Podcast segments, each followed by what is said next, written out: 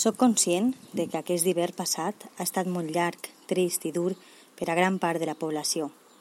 Per contra, aquest ha estat un dels hiverns que més ràpid m'ha passat a la vida. L'hivern de les videoconferències.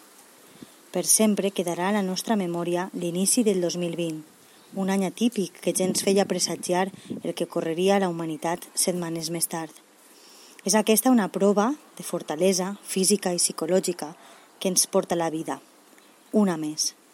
Viure la incertesa de la propagació, del contagi, d'un virus tan nou i letal com és el coronavirus, aparta a qualsevol persona, aporta viure la incertesa de la propagació, del contagi, d'un virus tan nou i letal com el coronavirus, aporta a qualsevol persona angoixa, preocupació i por, en la majoria dels casos.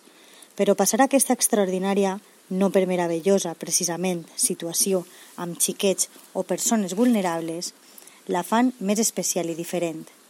Per una banda, l'aïllament que provoca el fet de voler protegir-te i protegir a la resta de familiars i amics, mesos més propers que mai, però físicament allunyats, mirant-nos a través d'una finestra artificial de llum que ens permet veure'ns i parlar, emocionar-nos i maleir aquesta pandèmia que tant ha canviat les nostres rutines diàries. Per altra banda, és cert que segons on visques o on t'hagi agafat, curiosament o casualment, el confinament, paraula que tothom hem après i que ja l'hem inclòs en el nostre vocabulari, pots haver passat un hivern més o menys bo, tranquil, malgrat tot, o bé, allò contrari, un hivern horrible, sense contacte amb el món exterior, sense poder ni eixir a la porta de casa, ni veure la natura, ni sentir el vent, ni el sol a la cara, un hivern de tristesa i soledat. Una altra circumstància curiosa que ha esdevingut d'aquesta situació és el fet de contactar amb familiars i amics que no solies fer-ho abans, a diari, o fins i tot que feia mesos o anys que no hi havia tanta relació. La tecnologia, una vegada més, ens ha ajudat a eixir de casa, a preocupar-nos per les amistats que viuen lluny, aquelles que, com a conseqüència del frenètic ritme diari, no solen estar presents ni per telèfon. Aquesta situació ens ha demostrat allò que sempre es destaca de que no cal parlar a diari ni veure'ns per a mantenir una amistat sincera. Ens ha demostrat també que realment tenim a la vida persones destacades i importants per a nosaltres i que, malgrat no tenir tanta relació personal amb elles, les estimem i recordem. Aquesta circumstància és, pense, una de les més boniques que ha portat tot això. Perquè ens ha fet parar, reflexionar, plantejar-nos coses, valorar-ne d'altres, un punt i seguit de la nostra vida. Però l'hivern de les videoconferències, i ara ja també primavera, no solament ha esdevingut en l'àmbit personal i domèstic. De fet, les empreses han fet per fi un pas endavant, un vot, i s'ha posat en marxa tant el teletreball com les reunions per videotrucades. Moltes són les plataformes que ara coneixem com la palma de la mà, desconegudes per a molts fins fa uns mesos. S'ha demostrat que es pot fer, que és viable.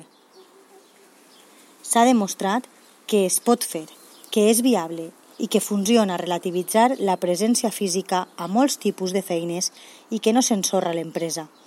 És més, els treballadors, com que estan a casa i estalvien temps en desplaçaments i sumen comoditat, dediquen una mitjana de dues hores més cada dia a treballar.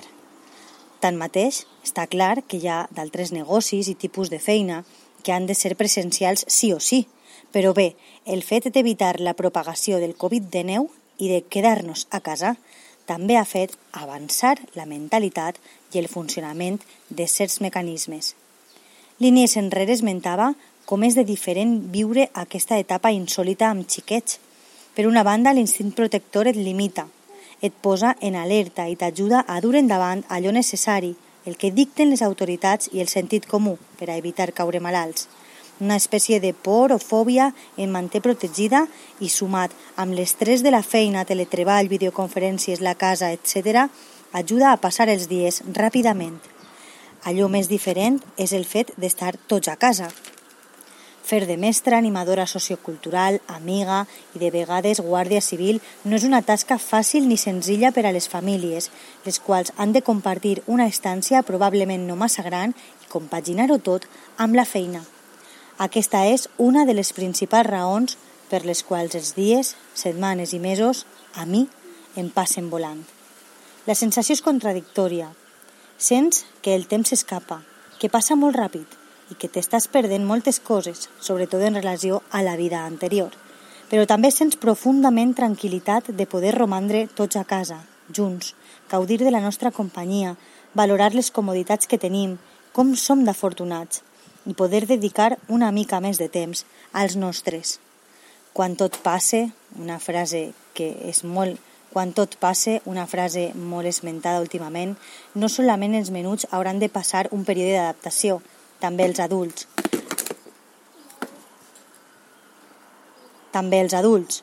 Ara que ja arriba el bon temps, que després de les intenses pluges de mesos enrere, que veiem caure des de darrere les finestres, que han fet créixer plantes, arbres i flors en desmesura, ara el positivisme és més evident en els ulls que mostren les mascarilles, aquells ulls que s'assomen i que et creues pels carrers o botigues les mínimes vegades que les xafes, perquè la societat, a poc a poc, ha tornat a posar-se en marxa, a eixir al carrer, a viure la natura, tot amb l'esperança de deixar enrere l'hivern de les videotrucades i passar a l'estiu de les abraçades sinceres.